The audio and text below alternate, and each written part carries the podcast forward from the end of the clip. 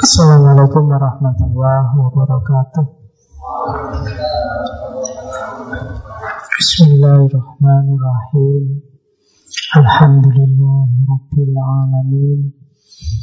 Wa bihi nasta'inu ala nurid dunya waddin Allahumma salli wa sallim wa barik ala habibina wa syafi'ina Sayyidina wa maulana Muhammadin wa ala alihi wa ashabihi ajma'in. Amma ba'du. Bismillah. Malam ini kita lanjutkan ngaji filsafat kita. Sudah sampai seri ke 100 sekian Ya yang mau wisuda wisuda sendiri aja. Ya, yang mau nanti ke sini bawa toka ya boleh nanti difoto. Mungkin ada yang tadi pagi wisuda atau besok wisuda.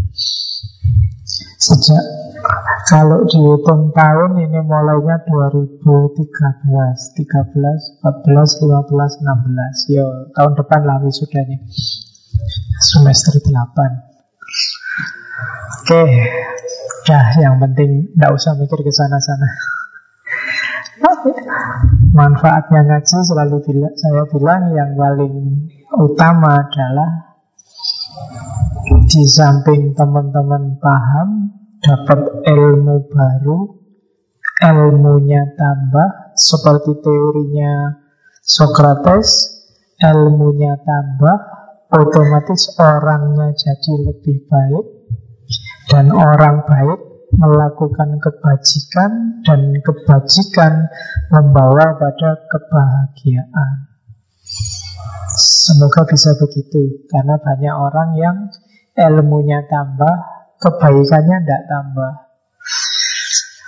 Oke, malam ini kita ada di terminal terakhir untuk sesi filsafat kebebasan. Mungkin kapan-kapan ada sesi kebebasan season 2 Tapi pasti bukan bulan depan Biar nggak bosen Bebas terus kan nggak enak Karena orang bebas itu harus mikir sendiri Yang paling enak itu kan dipikirkan orang lain Daripada kalian mikir orang kan mending dipikirkan orang. Kalau dipikirkan orang berarti ya, laris.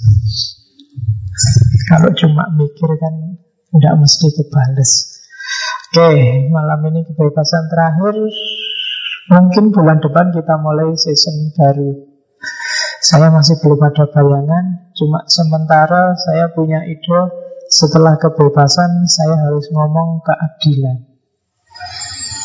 Sedih Tidak tahu mungkin ada beberapa tokoh Tapi yang jelas minggu depan Kalau memang jadi keadilan Saya harus mengantarkan dulu Jadi pengantarnya minggu depan Terus beberapa tokoh Mungkin bisa masuk John Rawls Mungkin bisa masuk Yang kuno bisa Aristoteles Bisa dari teologi masuk lagi kalau bosan teologi Islam, kita bisa masukkan teologi yang lain.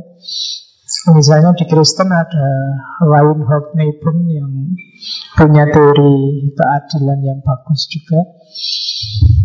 Atau yang orang-orang baru seperti Robert Nozick, dia juga punya teori keadilan yang lumayan.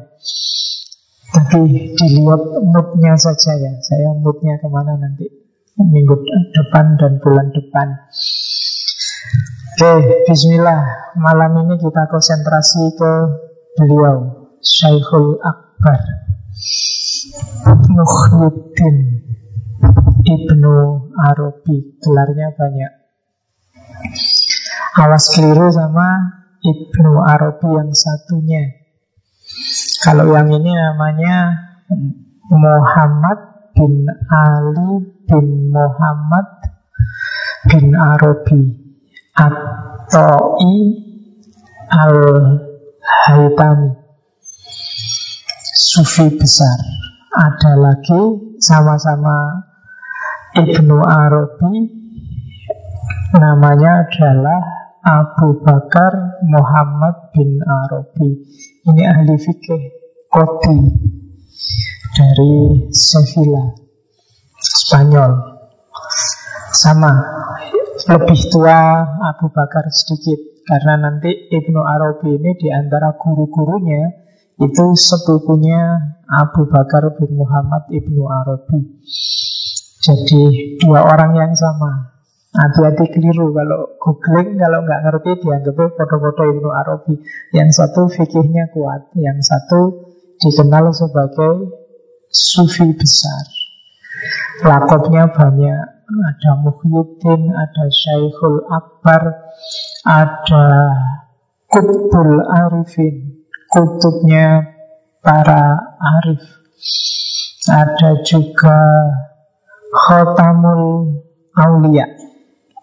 Selengkapnya Khotamul Aulia Al-Muhammadiyah. Tidak ada hubungannya sama NU Ya. Jadi ini semacam Apa? Menyaingi orang Arab.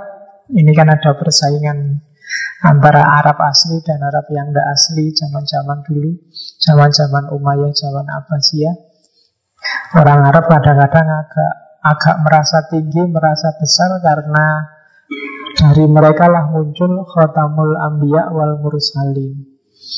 Nah, maka tradisi-tradisi di luar itu khususnya beberapa sufi dari tradisi Persia yang sejak dulu memang saingan sama Arab sampai hari ini itu mereka tidak mau kalah. Jadi mereka juga punya khotamul aulia al-Muhammadiyah. Dan yang bisa berhubungan langsung sama Allah itu tidak cuma Nabi, para wali juga bisa lewat pengetahuan ilham. Itu kalau membacanya secara politik bisa ada hubungannya sama ego wilayah Persia sama Arab. Tapi kita nggak usah bahas di situ. Kapan-kapan aja ngomong yang gitu-gitu. Malam ini kita ngomong satu teorinya tentang kebebasan al-hurriyah yang maknanya kebalikannya 180 derajat dari teori-teori kemarin termasuk dari teori-teorinya Abu Hasan al-Ash'ari kalau Abu Hasan al-Ash'ari minggu lalu baunya sangat kuat di teks nas bayan kalau yang sebelumnya Mil dan kawan-kawan itu bau burhannya kuat malam ini kita ketemu bau irfan. Gimana kebebasan dalam tradisi sufisme. Kalau saya tidak salah, dulu saya tidak tahu ya, tahun berapa, 2013 atau 2014, ada juga ketika ngomong filsafat Islam, tradisi Persian, ada sudah kita bahas tema Ibnu Arabi. Mungkin saya nggak ngulang-ngulang lagi yang pikiran-pikirannya Ibnu Arabi secara general. Malam ini kita spesifik ke teorinya Ibnu Arabi tentang kebebasan. Oke, bismillah ya. Semoga nyampe. Kalau dalam dunia tasawuf nanti apa yang bisa kalian ambil, bisa kalian pahami dari teorinya Ibnu Arabi itu bukan dari kalian. Ya memang maunya Allah kalian pahamnya cuma segitu. Nanti ini ada yang nangkep 10%, 30%, 50%, atau 120%. Berarti itu maunya Allah di situ. Atau nggak paham belas. Memang belum waktunya berarti. Ya, kajian tasawuf kan ada logika semacam itu. Jadi tidak usah gelisah kalau nanti tidak paham.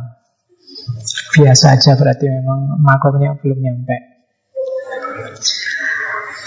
Oke, Bismillah Ibnu Arabi lahir tahun 1165 Masehi. Nanti meninggalnya 1240 1165 itu tidak tahu ya di Indonesia ada apa. Indonesia tahun itu kalau Jawa tahun-tahun itu 1222 itu Ken Arok bikin Singosari. Jadi Indonesia masih tawuran, Timur Tengah sudah nyufi. Ya, ya kan? Satu dua dua dua ya. Dan Majapahit kan berdirinya satu dua sembilan tiga karena Singosari kan nggak lama sekitar tujuh puluhan tahun.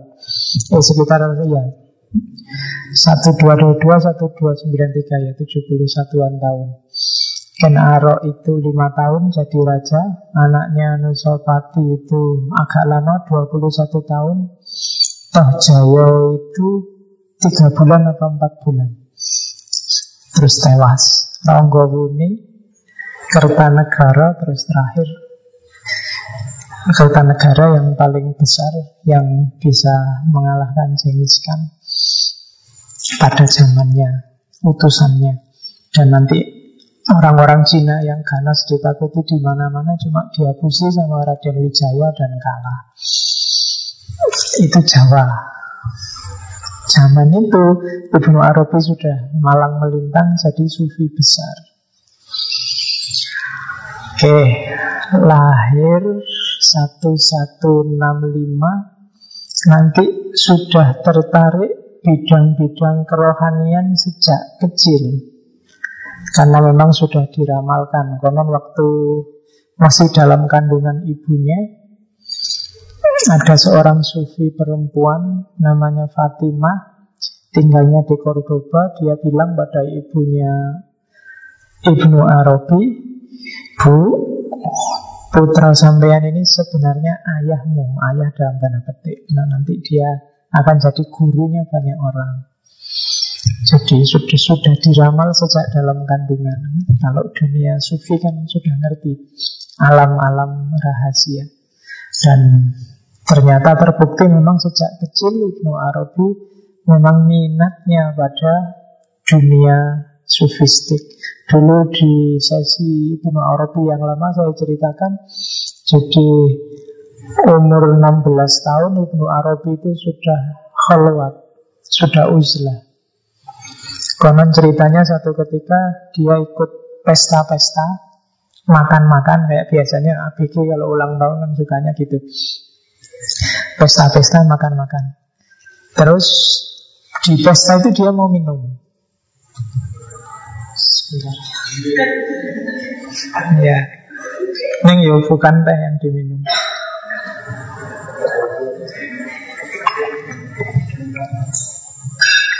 Ya, dia mau minum Homer, bir.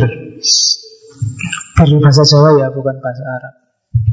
Karena bir bahasa Arab itu baik. Dia mau minum bir, tiba-tiba ada suara yang nyampe ke telinganya. Bilangnya suara itu Muhammad apa untuk ini engkau diciptakan Namanya kan Muhammad bin Ali Sampai tiga kali Tiap kali dia mau minum ada suara Hei Muhammad apa untuk ini engkau diciptakan. Setelah itu dia keluar dari pesta. Ceritanya saat itu dia langsung melakukan kholwat Detik itu juga selama empat hari. Itu Ibnu Arabi. Jadi bisa diambil teladannya ya Kalau mau macam-macam sampai nih ini apa untuk ini aku diciptakan dan kalau nggak ada getarannya memang belum makomnya. Ya itu memang beda level tidak apa-apa. Jadi setelah itu Ibnu Arabi ini menjelajahi banyak sekali wilayah Mekah, Baghdad dan sampai terakhir dia nanti tinggal di Damaskus. Hampir semua guru besar sufi dia datangi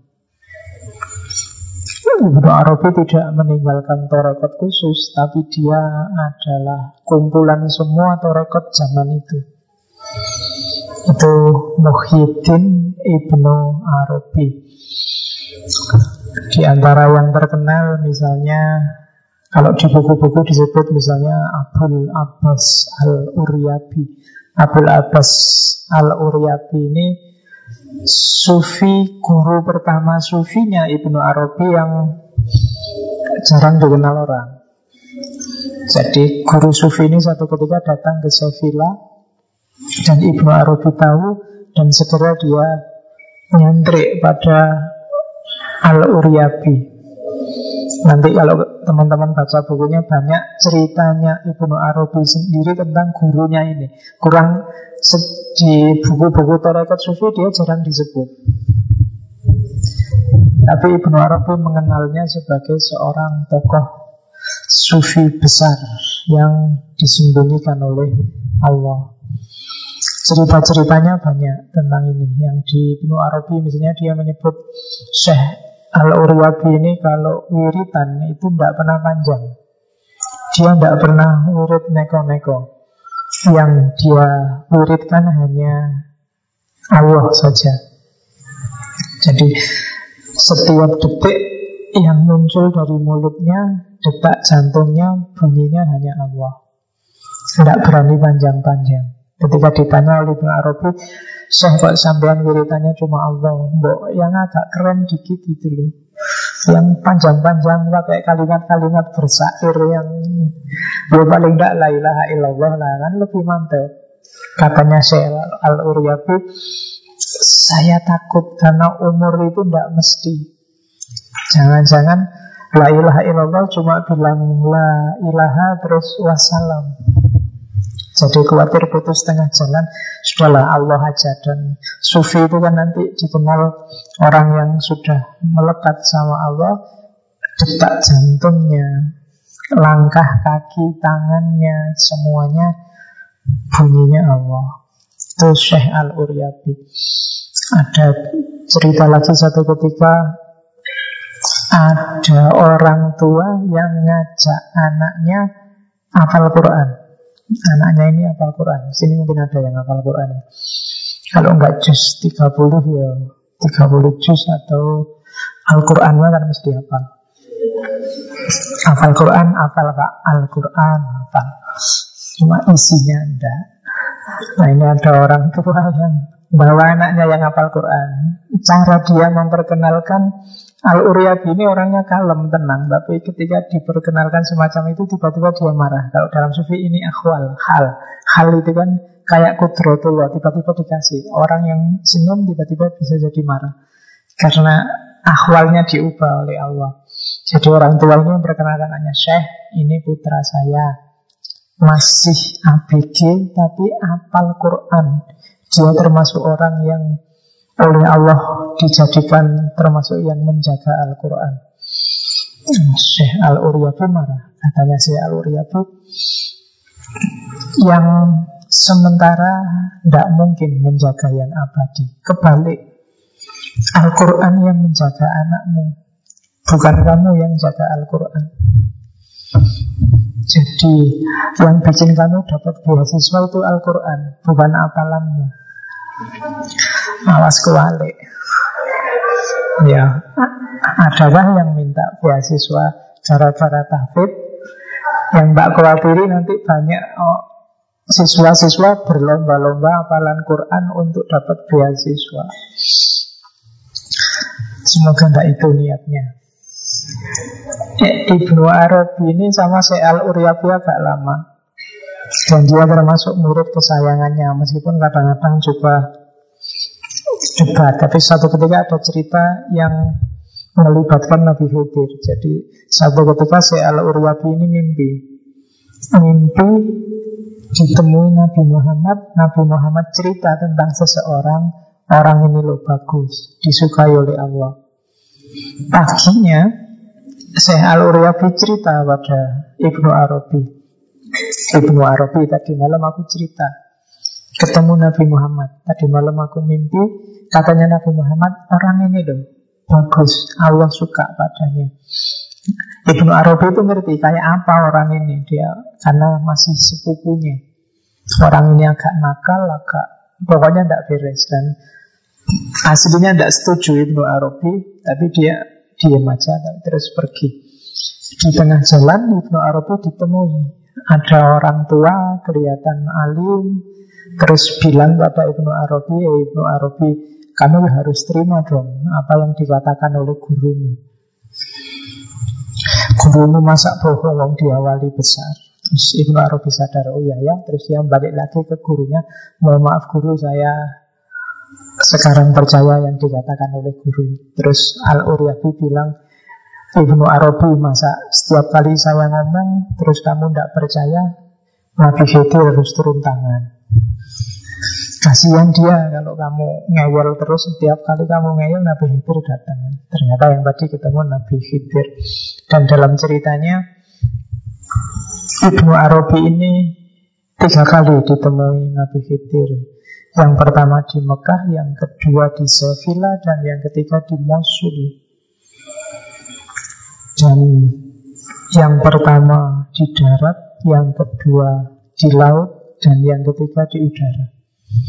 Di udara itu melihat Nabi Khidir di atas dan dikasih khirkoh Khirkoh itu kalau dalam sufi semacam cendramata Biasanya sobean jubah, sobean baju Untuk menandakan bahwa Kamu sekarang sangatnya sudah nyambung padaku. Sudah jadi muridku. Itu Ibnu Arabi Banyak sih ceritanya kapan-kapan dongengnya ya nggak jadi ngomong tentang kebebasan. Oke, okay. Bismillah ya nanti next time kalau ada waktu nganggur kita isinya khusus dongeng. Biar oke okay, kita mulai. Bismillah. Kebebasan dalam tasawuf. Ini kebalikannya teori kemarin. Kalau teori kemarin kemarin-kemarin mulai pertemuan pertama yang namanya bebas itu gimana caranya keinginanmu bisa terlampiaskan secara penuh, tidak ada yang menghalangi. Tapi dalam dunia sufi justru bebas itu bebas dari semua keinginanmu. Kebalikannya. Jadi katanya para sufi untuk kamu bebas, simple, Nggak usah pingin apa-apa. Selesai sudah. Ya kan? Kemarin kan kamu pening, Pak, saya pingin ini tidak bisa, ada yang menghalangi. Ingin itu tidak bisa, ada yang menghalangi. Ada yang halangan politik lah, halangan fisik lah, halangan macam-macam. Kalau kamu nggak pingin apa-apa, selesai. Bebas. Dan tahapan kamu bebas dari dirimu sendiri itu tahapan untuk kamu menuju menuju Allah. Jadi selama kamu sibuk dengan dirimu sendiri, ya kamu tidak akan ketemu Allah. Bahkan Allah nanti bisa-bisa kamu jadikan alat untuk kepentingan egoistikmu. Itu yang dinasihatkan oleh para sufi. Jadi bebaskan dirimu. Yang pertama-tama dari dirimu sendiri. Karena biasanya yang bikin kacau itu dirimu sendiri. Barang beres, barang lurus itu kamu bikin ruwet sendiri. Kamu sendiri yang bikin. Coba kamu nggak pengen macam-macam. Aman sudah. Kenapa kamu galau? Nggak dapat-dapat pacar pak. Caranya simple Nggak usah pengen pacar. Selesai. Bebas sudah kan kamu. Belum Kenapa kamu kalau nilai saya jelek pak. Itu karena kamu kemarin targetmu nilai. Maka begitu nilaimu jelek kamu galau. Kadang-kadang nyari cara macam-macam biar nilaimu naik maka bebaskan dulu dirimu dari egomu. Bebas. Kenapa? Karena ego ini nanti yang pertama-tama menghalangi kesempurnaanmu. Sebagai manusia yang sejati. Jadi dalam dunia tasawuf Bebas itu freedom from. Bukan freedom for. Freedom for itu gampang yang susah itu freedom for, freedom from. Freedom from yang pertama-tama dari dirimu sendiri. Dan selanjutnya dari segala sesuatu. Kecuali dari satu hal. Jangan kamu bercita-cita untuk bebas, yaitu dari Allah. Jangan pernah bercita-cita bebas dari Allah. Jangan pernah se Rumit apa pun situasinya. Kan kadang-kadang mungkin kita sholat lagi, sholat lagi capek. Coba kemarin enggak. Nah kan sering gitu. Ah sudah puasa. Coba gambaran Mbak Islam. Enggak ada puasa-puasanan, enggak ada sholat-sholatan. Kan kadang-kadang gitu. Tapi jangan bercita-cita bebas dari Allah. Kenapa? Begitu kamu bercita-cita bebas dari Allah, kamu keluar jalur. Keluar dari hitohmu sebagai manusia. Nanti kita lihat argumen-argumennya. Kenapa bisa begitu? Bebas ini kalau di sufi termasuk makom. Yang jelas ngomong ini Imam Kusairi, Risalah Al-Kusairiyah. Jadi apa sih bebas itu katanya Imam Kusairi ketika seorang hamba tidak lagi berada di lingkaran perbudakan segala makhluk. Tidak ada sesuatu pun yang kamu izinkan nyetir hidupmu kecuali Allah. Berarti kamu bebas. Tidak ada idola-idola selain Allah. Tidak ada target-target selain Allah. Tidak ada cita-cita apa pun selain Allah. Apa pun yang kamu lakukan adalah selangkah lebih dekat untuk menuju Allah. Itu berarti kamu bebas. Ngaji ini termasuk ngaji yang bebas. Kalau kamu tidak punya target apa-apa Selain dengan ngaji ini Semoga kamu selangkah lebih dekat dengan Allah. Kalau enggak, ngajimu tidak bebas. Saya ingin ngaji pak Biar besok bisa bikin tulisan Tidak bebas. Saya ingin ngaji pak Biar bisa niru nanti kalau menjelaskan tentang Ibnu Arabi Tidak bebas. Yang menghalangi apa? Targetmu tadi Jadi Seandainya toh dengan ngaji kamu ingin pinter nulis, pinter mengajar, pinter apa, boleh. Tapi niatkan pinter nulis ini untuk biar kamu lebih dekat lagi sama Allah. Niatkan pinter ngajarmu besok biar kamu bisa lebih dekat selangkah sama Allah. Itu berarti kamu bebas. Tapi kalau target finalnya hanya itu, ya selesai. Saya ingin ngaji pak biar lumayan daripada nganggur di kos-kosan untuk teh misalnya. Ya cuma itu. Dapatnya nggak ada yang lain. Jadi targetnya harus Allah. Oke. Kita lihat nanti masih panjang ini ya. Nah, kebebasan itu makom. Jadi bebas berarti Freedom from. Freedom from itu apa? Taharrur. Membebaskan diri. Bebaskan dirimu dari semua kungkungan kecuali Allah. Apalagi hawa nafsu itu ada kata-katanya Junaid. Al-huriyatu akhiru makom lil arif Seorang yang arif. Arif itu dia mencapai puncak pengetahuan yang dalam sufi namanya ma'rifat Yang puncak pengetahuan ini tidak bisa dipelajari Dia harus dialami. Kalian bisa punya puluhan buku tasawuf Kalau cuma dibaca dan dipahami Kalian nggak akan nyampe makom yang namanya ma'rifat dia harus dijalani. Nggak baca buku, nggak apa-apa, asal dijalankan. Baik itu tasawuf yang filosofis, tasawuf yang nagari maupun tasawuf yang amali, yang akhlak. Tidak ada gunanya kalian ngaji kitab akhlak puluhan jilid kalau akhlaknya jelek. Karena Akhlak itu bukan ilmu untuk ilmu, tapi ilmu untuk dijalankan. Sama kayak tasawuf.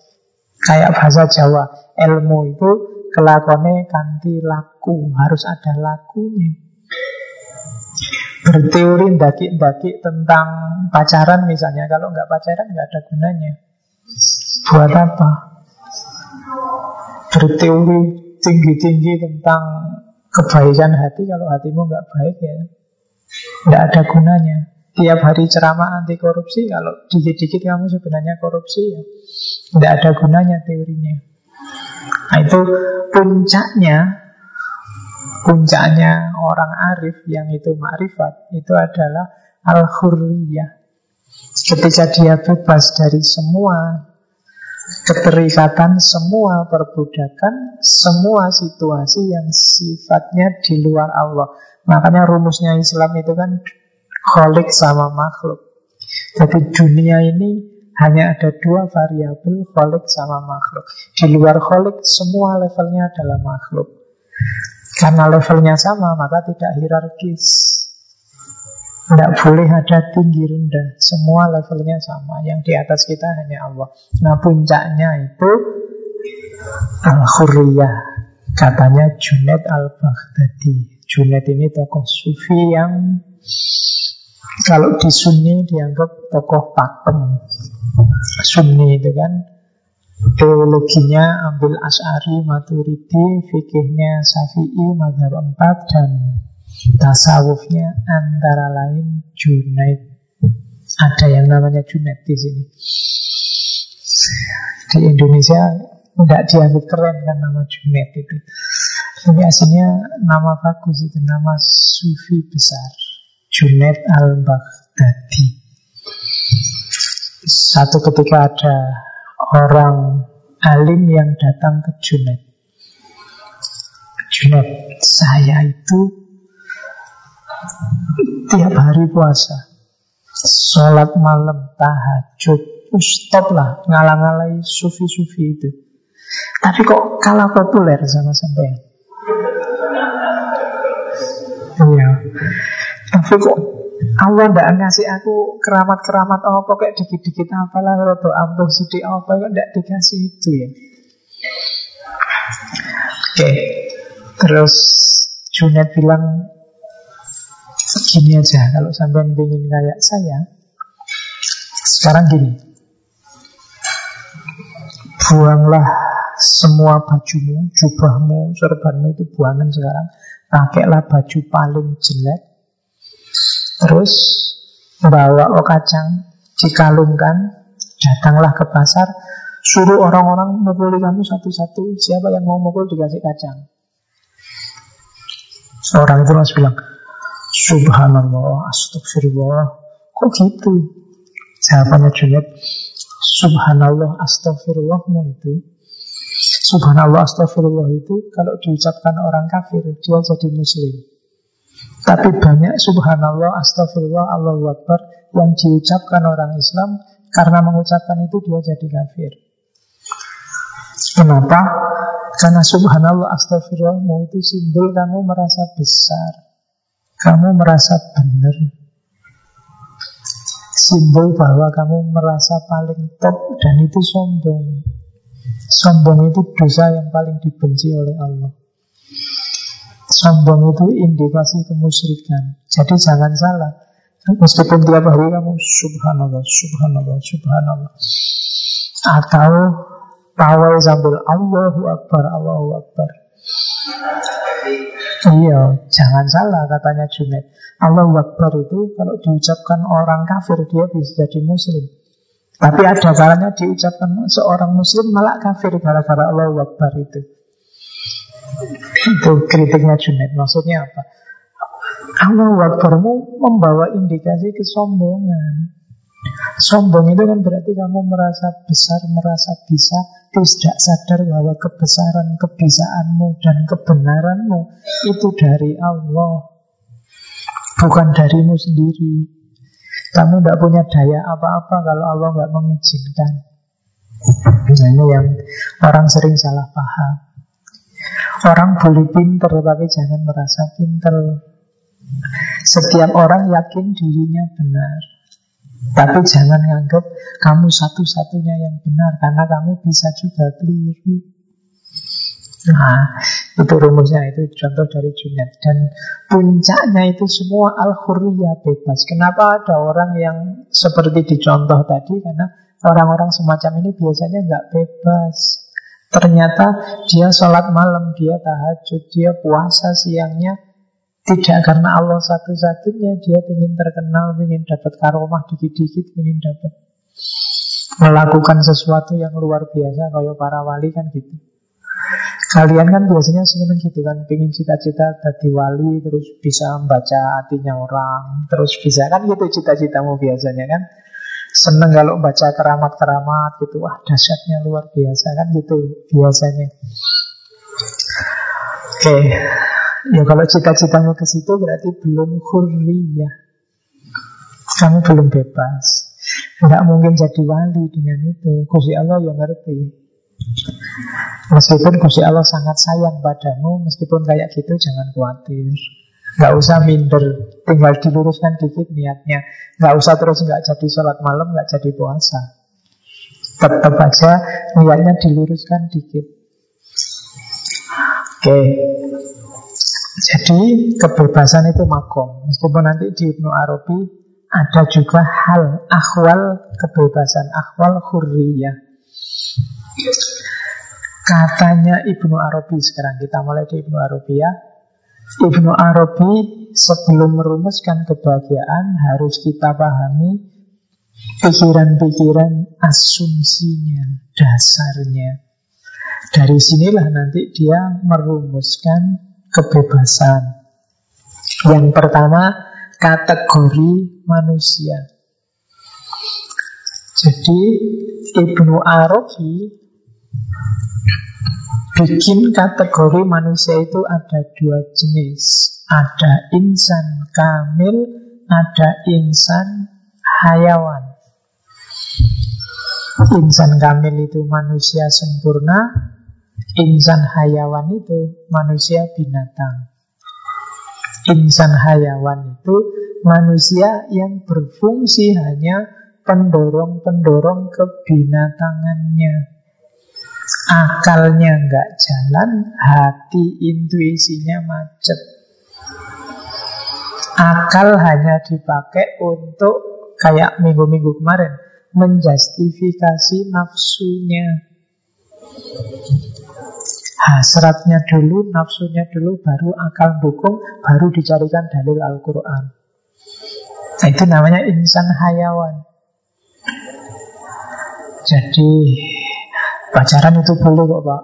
Karena kan sebelum nikah harus pacaran dulu. Logikanya kalau nggak kenal dulu kan kita nggak bisa hidup bersama. Itu dalil aklinya Pak. Naklinya juga ada Pak.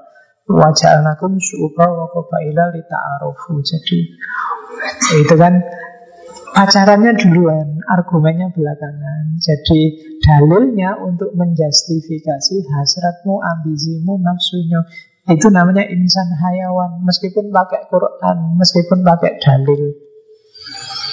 Jangan terlalu wow Jangan terlalu terpesona Dengan orang yang pakai dalil.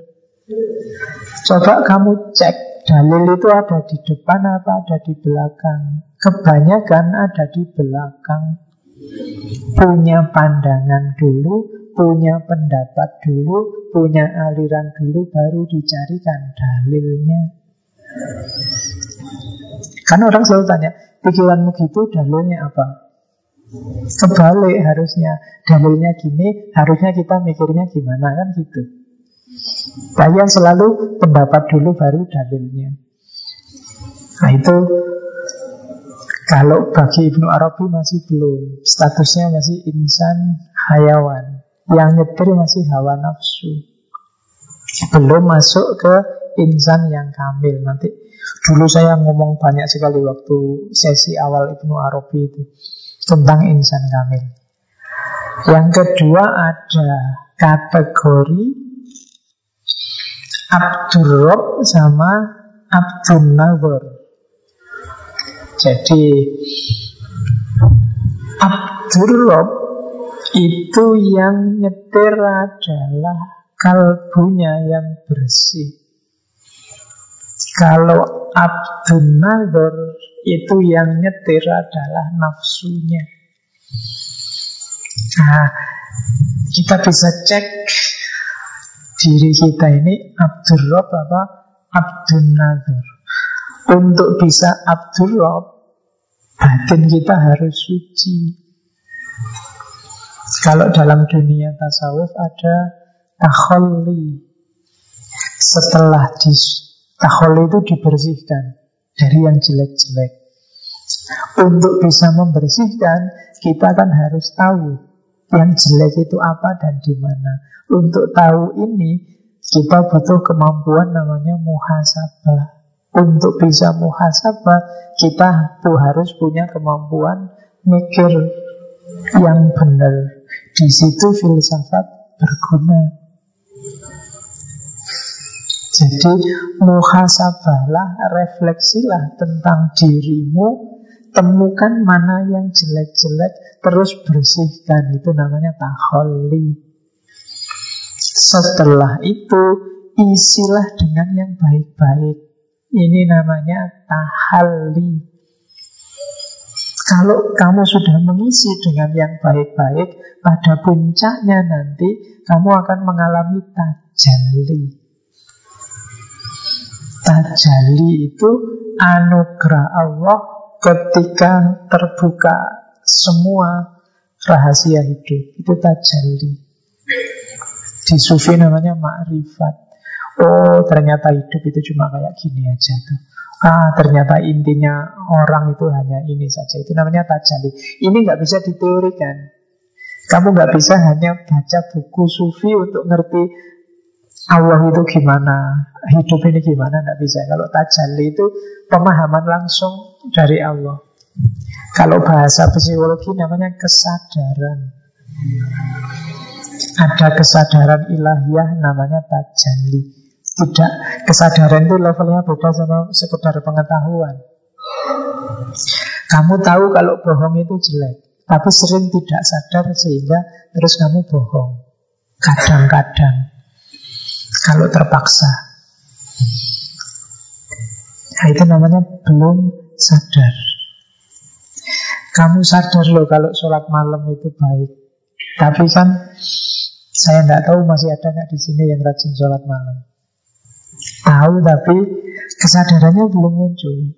Kenapa sih kok sufi itu mau-maunya ada yang semalam sholat ratusan rokaat, puasa nggak berhenti berhenti, uzlah tidak selesai-selesai Kok betah? Karena dasarnya adalah kesadaran Tidak sekedar pengetahuan Kenapa kadang-kadang kalian sok-sok tobat, pingin ibadah terus, pingin sholat malam, pingin puasa, kadang-kadang malesnya luar biasa. Karena basisnya belum kesadaran, belum tajalli. Basisnya baru pengetahuan. Itu bedanya. Indonesia ini kalau sekedar pengetahuan itu teori negara bagus sudah ada sejak zaman Bung Karno dan kawan-kawan. Tapi kesadaran baik kesadaran pemimpinnya maupun kesadaran yang dipimpinnya yang belum ada. Itu yang bikin kita susah jalan. Nah, kalau bisa taholi, tahali, tajali, kita bisa jadi Abdur Rob hamba dari Tuhannya. Yang kedua, kalau tidak begitu, biasanya kita cuma abdun nazar, hamba dari akalnya. Males sholat misalnya, ah, biasa aja Pak, Allah aja nggak ribut kok. Kenapa sih orang ribut kita malas sholat? Nah, itu Abu Nazar. Kamu cari alasan. Allah itu tidak butuh sholat kita kok. Allah itu maha kaya. Ngapain sih dia butuh sholat kita? Itu Abu Nazar. Apa-apa dilakukan dulu dalilnya belakangan. Itu yang sering terjadi. Kebanyakan kita Abdul Nazar. Jadi apa dulu dicarikan alasannya. Melakukan apa dulu dicarikan dasarnya. Itu namanya Abdul Nazar. Jadi seolah-olah kamu sendiri yang nyetir hidupmu. Nah, ini namanya bukan abdun. Karena abdun itu cirinya adalah pasrah pada majikannya. Makanya nama agamanya itu Islam berserah diri. Kuncinya ada di situ. Selama kamu masih merasa jadi dalang, ya kamu tidak akan bisa jadi abdun yang sejati. Kamu abdun dari hawa nafsumu sendiri Dari akalmu sendiri. Itu asumsi pertama. Jadi menurut Ibnu Arabi Manusia itu ada insan kamil Ada insan hayawan. Perilakunya ada yang melambangkan hamba Tuhan, Abdur Rob, ada yang melambangkan hamba akal. Abdun Nazar. Itu kategori kategori manusia. Insan kamil itu apa sih?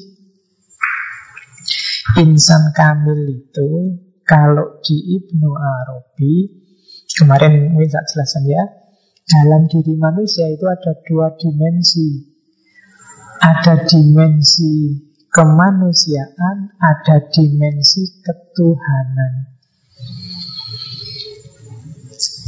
dimensi kemanusiaan itu ya dimensi fisik. Kalau yang bagian dalam ya bagian saraf, jantung, bagian otot dan macam-macam itu kan dimensi manusiawi. Termasuk hasrat, nafsu, keinginan dan macam-macam. Ada dimensi ketuhanan, dimensi manusia namanya nasut, dimensi ketuhanan namanya lahut. Jadi jangan salah.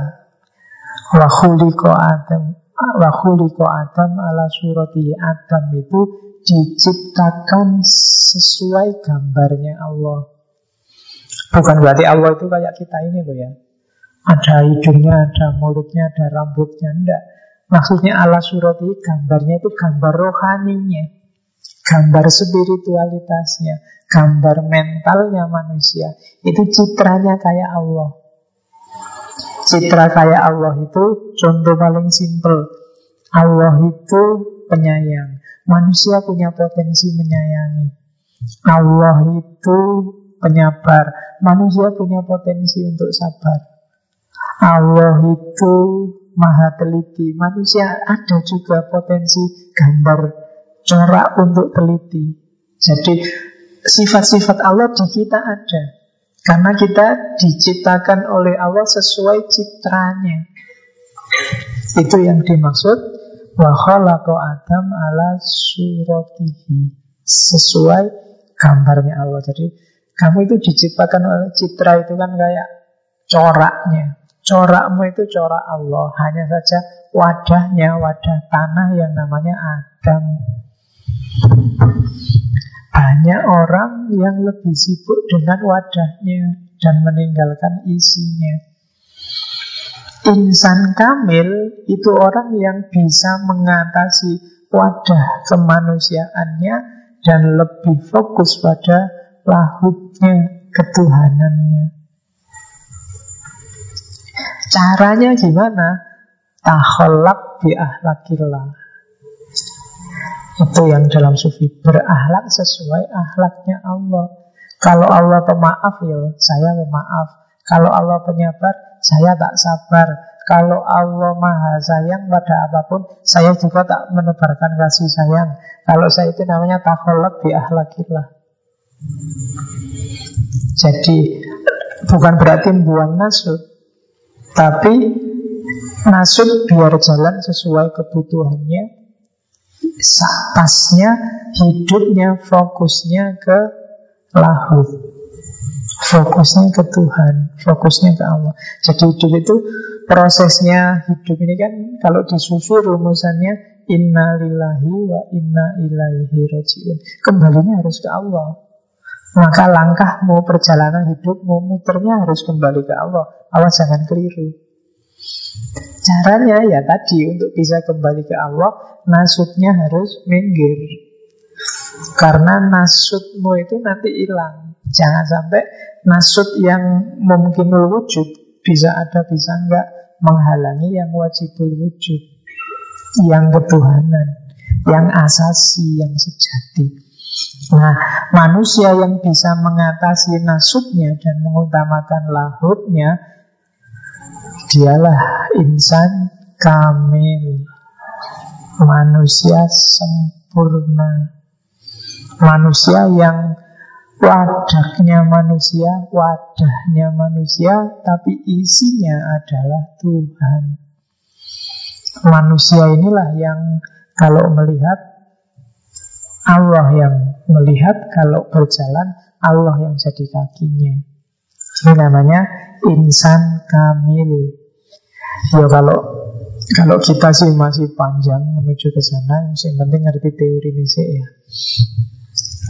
Syukur-syukur sadar dikit-dikit. Jadi tanpa harus mengubah apa-apa, orientasinya semua harus menuju Allah. Belajar tetap belajar, yang kuliah tetap kuliah, ngaji tetap ngaji, tapi tinggal digeser dikit arah niatnya yang semula untuk target-target sementara, target-target makhluk, sekarang targetnya adalah target holy latihan. Karena kalau nggak dilatih agak susah nanti. Nggak usah nunggu tua. Kalian kan biasanya itu dibanding Pak saya mau sholat malam saya mau besok aja Pak ya kalau tua sekarang masih muda ya Pak masih pingin macam-macam masih pingin HP terbaru masih pingin pacar terbaru masih pingin ya pending dulu lah Pak Besok tenang aja Pak, saya sudah bercita-cita besok kalau tua mau jadi sufi.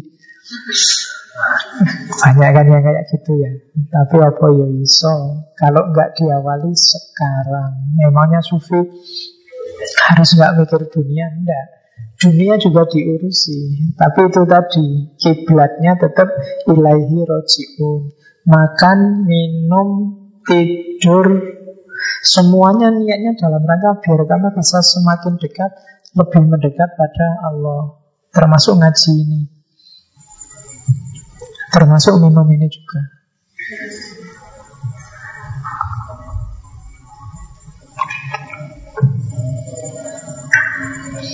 Jadi asumsi pertama untuk menuju kebebasan adalah insan kamil. Cirinya ini, manifestasinya. Ciri-ciri orang yang sudah insan kamil. Yang pertama adalah orang yang tidak takut apa pun. Dia yakin Allah akan selalu melindungi. Dan di Al-Quran kan disebutkan bahwa walinya Allah itu la khaufun alaihim walahum yahzanun. Kalau kita masih sering takut, berarti memang kita bukan walinya Allah. Kalau masih suka galau, bete, sumpah, sedih, itu kan yahzanun kan, berarti belum. Walinya Allah itu tidak tidak kaget, tidak gentar, tidak sumpah, tidak galau, mengalami apa pun. Karena dia tahu Allah selalu melindungi dia. Cirinya yang pertama, manifestasinya. Dan yang kedua adalah orang yang mencintai Allah dan berusaha meniru sifat-sifatnya.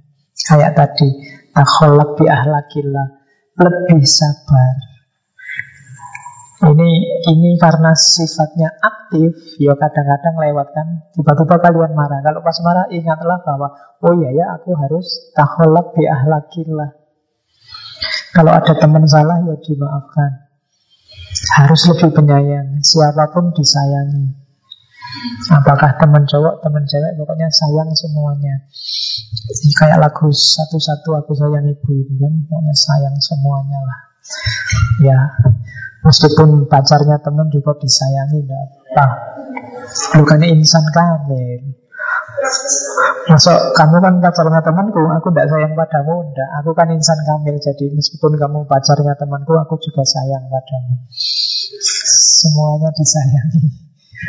Oke, pemaaf.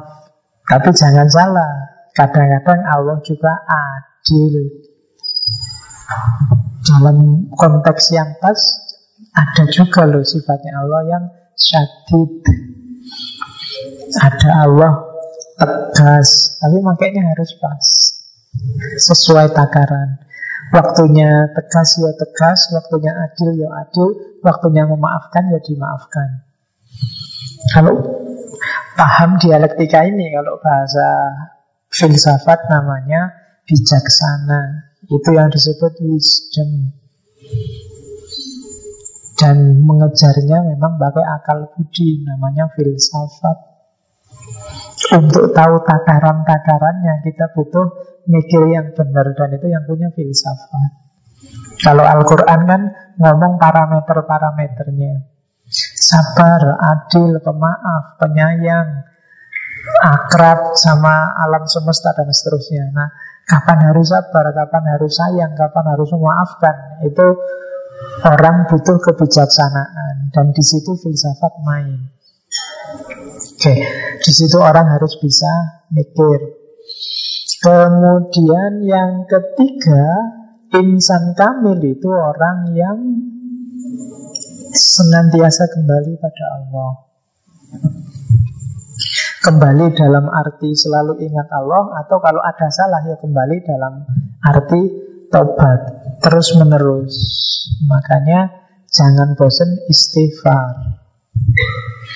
Karena tidak ada manusia itu yang sudah pasti benar. Setiap manusia ada lemahnya, ada salah tangkapnya itu mengapa kita disuruh sholat dan dalam sholat disuruh baca fatihah. Dan dalam fatihah kamu selalu disuruh berdoa ihdinas sirotol mustaqim.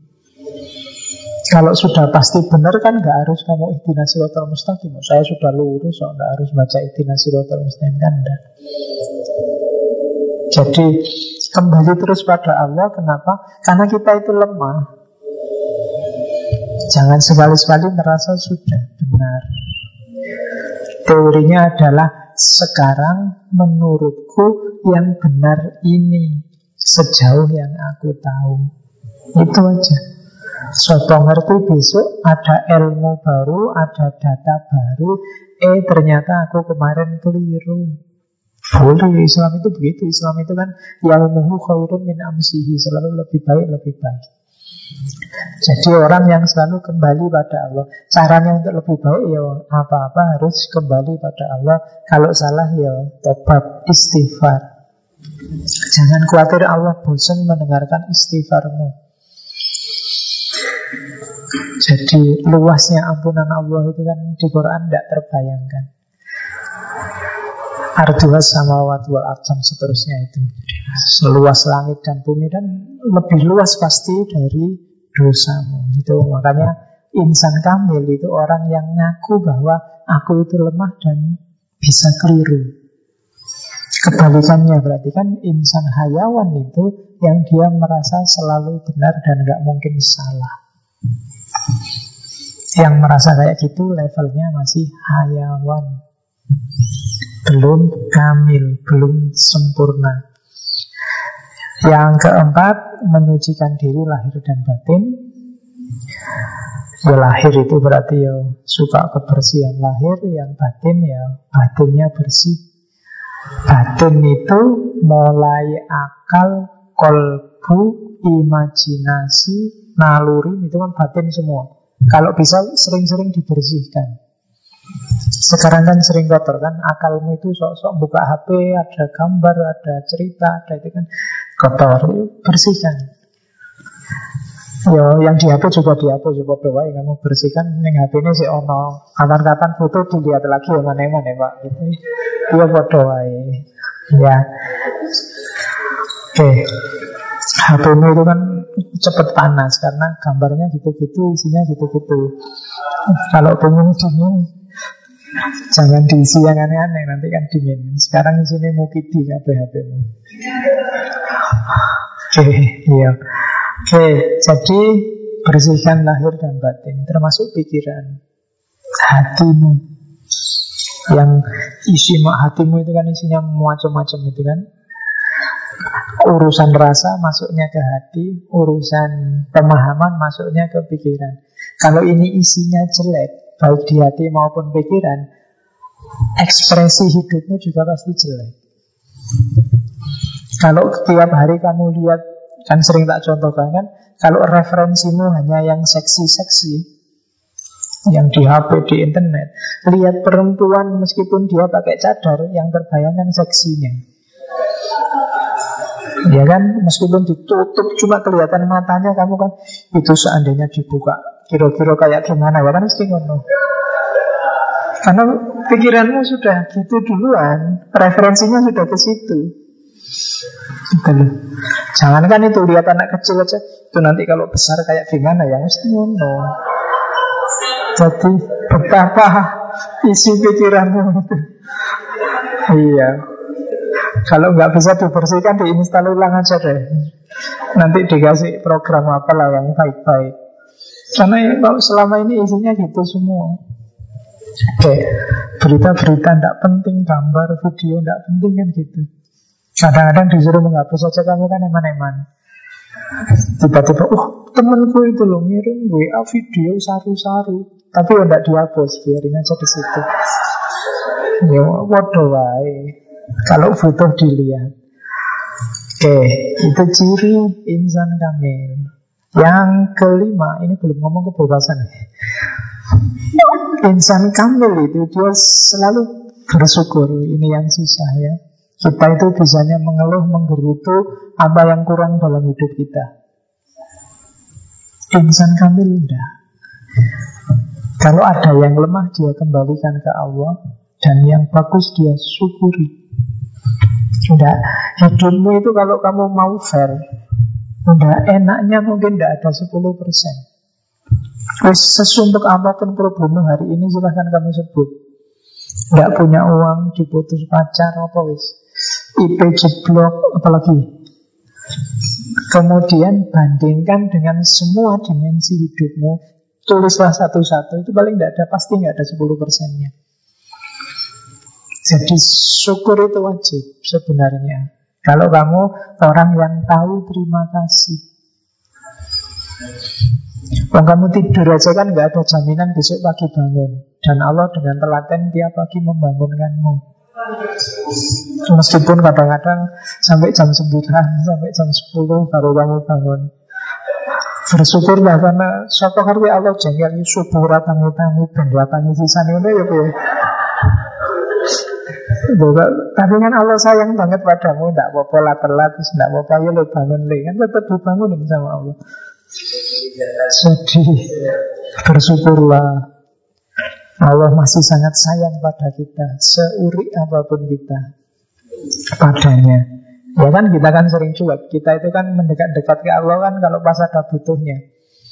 Ah besok ujian ya Allah. Semoga saya bisa garap. Mesti waya butuh kamu mendekat-dekat Kalau pas tidak butuh kan lupa Kalau pas seneng-seneng kan lupa Sama Allah Itu berarti syukurnya kurang Ngaji kayak gini ini kan karena mungkin biasa ya tiap rebu ke sini saya juga tiap ke sini akhirnya rasanya standar biasa mungkin beberapa pertemuan lagi bosan. Kenapa? Karena kamu tidak ada syukurnya. Bersyukurlah lo kamu bisa ngaji filsafat, bisa ada teh gratis, minum gratis, bisa ke sini bebas, nyari duduk juga bebas, nggak diwajibkan jajar di sini baris. Oh, banyak loh bersyukurnya. Jadi syukurlah setiap langkahmu dalam kondisi apa pun Coba kamu cek kan ada Ya ya Alhamdulillah Paling nggak kamu masih bisa bernafas Itu kan juga harus syukur Ada kan yang lagi enak-enak ketawa-ketawa Tiba-tiba hmm, nafasnya putus Kan ada Alhamdulillah ya Allah Masih lancar nafasnya Kan ada Jadi Dan orang sufi Yang kayak gini hidup terus di kepalanya Kalau kita kan ingatnya waktu pengajian kayak gini Nanti keluar juga sudah lupa. Istimewanya insan kamil, kalau bahasanya Ibnu Arab itu wali sufi, yang kayak gini-gini ini hidup terus di kepalanya. Kalau kita kan yang hidup terus so, yang tiap hari di WA, bangsa Mukidi, Jessica, apalagi yang, yang itu kan hidup terus di kepala kita. Yang kayak gini-gini lali. Itu bedanya kita sama Ibnu Arabi. Terus Orang yang selalu berbuat baik dan memperbaiki Jadi muhsin Jadi muhsin itu tidak semata-mata melakukan amal soleh, perbuatan baik Tapi orang yang selalu mereview perbuatannya dan ingin lebih baik lagi, lebih baik lagi. Apa ya harus kayak gini ya? Sudah pas nggak ya kayak gini ya? Itu namanya muhsin. Dan itu cirinya insan kamil. Dan yang terakhir Ini yang agak berat. Allah hadir terus dalam hatimu, dalam hidupmu. Sementara jangankan sehari-hari ya, kadang sholat aja kan kita Allah nggak hadir. Sholat aja pikiranmu ke mana? Padahal di depanmu pas itu ada Allah saat itu loh. Kayak kamu ngobrol Tapi pikiranmu ke mana? Mulutmu ngomong apa? Padahal kamu ngadep dosen aja kan nggak berani Sambil lingak-linguk sambil tolak-tolak. Kamu fokus ke dosennya Khawatir dimarahi. Tapi Allah di depanmu kamu ya kadang sambil mikir apa sholat sambil mikir ini habis sholat enaknya makan di mana ya? Warung itu tutup enggak ya kira-kira? Sudah jam sekian kan oh no pikiranmu. Nah, ya. lagi sholat Allah di depannya yang dibahas warung. Waduh tugas dosen besok belum selesai gimana ini? Waktu sholat. Itu sholat apalagi yang biasa-biasa kayak gini yang istimewa di seorang insan kamil wali sufi adalah Allah selalu hadir. Allah selalu hadir itu bukan berarti terus dia ke mana-mana pegang tasbih terus subhanallah, subhanallah, enggak, enggak gitu. Meskipun kamu bilang subhanallah, subhanallah, kalau fokusnya tidak ke Allah, ya Allah tidak hadir di situ. Kayak kamu lagi ngantuk, biasanya Ramadan kan gitu kan, kamu sambil pegang Quran, sambil pegang tasbih, sambil lihat TV, wiridan. Subhanallah, subhanallah, lihat TV, ya berdoa. Allah tidak hadir. Ya kan? Atau wiritan tapi formalitas Apalan itu kan? Subhanallah, subhanallah, subhanallah, subhanallah Doa juga formalitas apalan. Doa aja kamu kan kadang-kadang Doa ini minta apa tidak tahu. Biasanya untuk ngomongnya harus diwacawai Allah tidak hadir. Hadir kan Allah terus. Ya kayak tadi kan saya Al-Uriyabi itu Detak jantungnya, mulutnya Hanya selalu bilang Allah Kemarin saya baca syarahnya istighosa Ngomong gak jarang ya lihat. Syarah istighosa yang nulis Yai Musta'in Romli Rejoso Peterongan Jadi di antara aurat wurud yang luar biasa Yang dibaca di istighosa itu adalah Allah. Orang yang detak jantungnya sudah bunyi Allah Tidak cuma mulutnya Aliran darahnya sudah Allah Itu sakti dalam tanda petik. Apa pun yang dia inginkan akan kejadian. Kalau dikasih gini kan kamu semangat akhirnya. Wah, ya ini harus wiritan. Ya. Biasanya yang kamu incerkan apa pun yang diingin kejadian itu tuh, bukan Allahnya. Ya, jadi triknya para ulama kan di situ untuk mancing kamu biar seneng wiridnya. Jadi Wah bisa tuh Pak gitu. Ya Terus kamu rajin wiritan Tapi nanti manfaatnya datang sendiri Lama-lama kesadarannya muncul dan kamu baik. Oke. Kita mulai tentang kebebasan Wasufi Bismillah. Kebebasan mutlak sekarang teorinya. Yang pertama Yang namanya bebas mutlak Bebas sejati itu berarti independen, absolut, tidak ada hubungannya sama apa pun. Yang bisa bebas mutlak itu hanya Allah. Allah pun di level zat. Jadi Allah itu ada level, ada dua level, level zat sama level sifat. Level sifat ini level namanya level marbuk. Level dia sebagai yang disembah. Ketika Allah sebagai yang disembah, yang berhubungan dengan makhluknya, Allah agak apa dalam tanda petik menampakkan dirinya, menyambungkan dirinya yang tidak terjangkau dengan manusia. Terus memperkenalkan dirinya, aku ini Rohman, aku ini Rohim, aku ini sayang. Di level ini tidak bebas mutlak. Yang bebas mutlak itu Allah di level zat. Ini yang laisa kami selihi syai'un. Tan keno kinoyo ngopo. Tidak bisa digambarkan. Tidak bisa disentuh apa pun. Tidak ada hubungannya sama apa pun. Ini yang namanya bebas mutlak. Apalagi manusia. Allah saja di level sifat tidak mutlak. Dia harus memperkenalkan dirinya pada manusia. Di situ tak sebut ada hadis kutsi itu kan. Ana mahfiyun. Aku adalah khazanah tersembunyi. Fa'uridu an u'rofa. Maka aku aku ingin untuk dikenali. Fa'khalaqtul khalqa. Maka aku ciptakan makhluk. Fabi arafuni Maka dengan perentaraan makhluk itu Mereka mengenalku Jadi Allah akhirnya memperkenalkan dirinya Di level yang bisa dijangkau oleh manusia. Ada hubungan kholik sama makhluk Abid sama makbud Ada relasi. Ketika ada relasi sudah nggak mutlak lagi. Allah di level sifat. Ini yang bikin salah paham Ghazali. Di tahafud falasifa.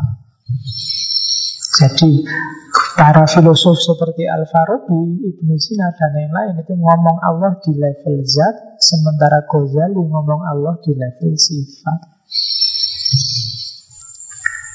Ya, kapan-kapan kita ketemu itu. Pada saatnya saya ingin satu bulan full ngomong Ghazali. Mungkin al-mungkit minadolal, tahafud, falasifa, kemudian makosid falasifa, dan kitabnya kan banyak Ghazali itu.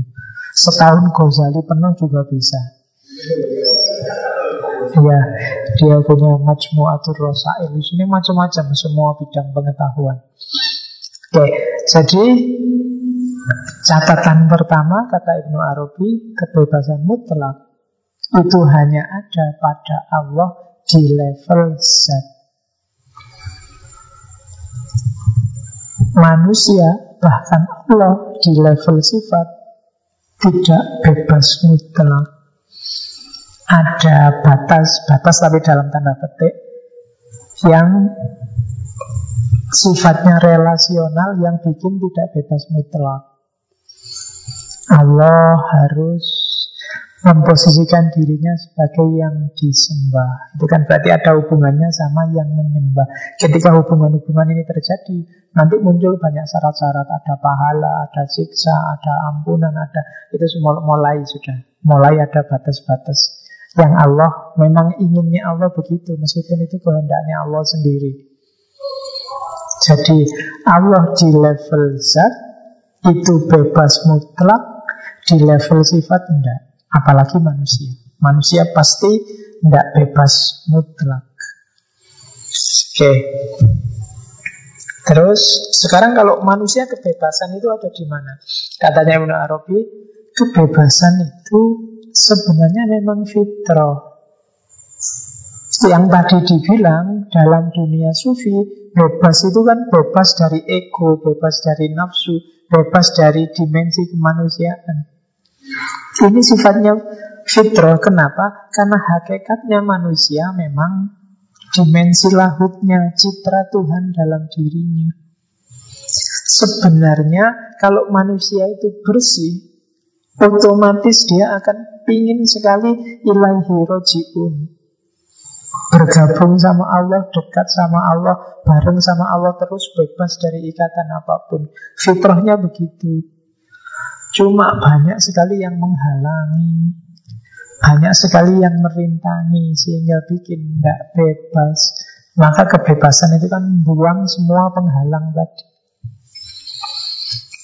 Jadi dirimu itu Pak, saya kok nggak bisa ya Pak? Rindu Allah, cinta Allah Pingin deket terus sama Allah.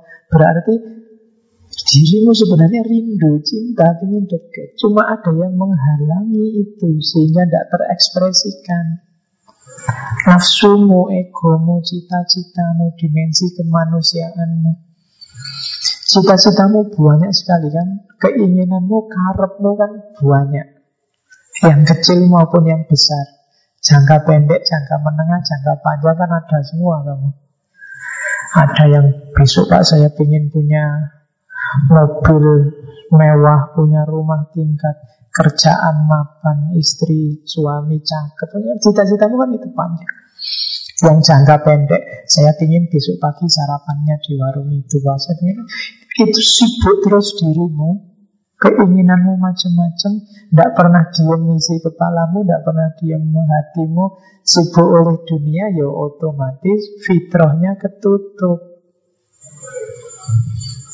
Susah sekali kan Jatuh cinta sama lawan jenis yang cakep gampang Tapi sama Allah susah Pak. Gimana ya jatuh cintanya Rindu kayak para sufi Sampai segitunya pada Allah Gimana ya Pak caranya Caranya simpel. Taharur. Bebaskan dirimu dari keterikatan dunia.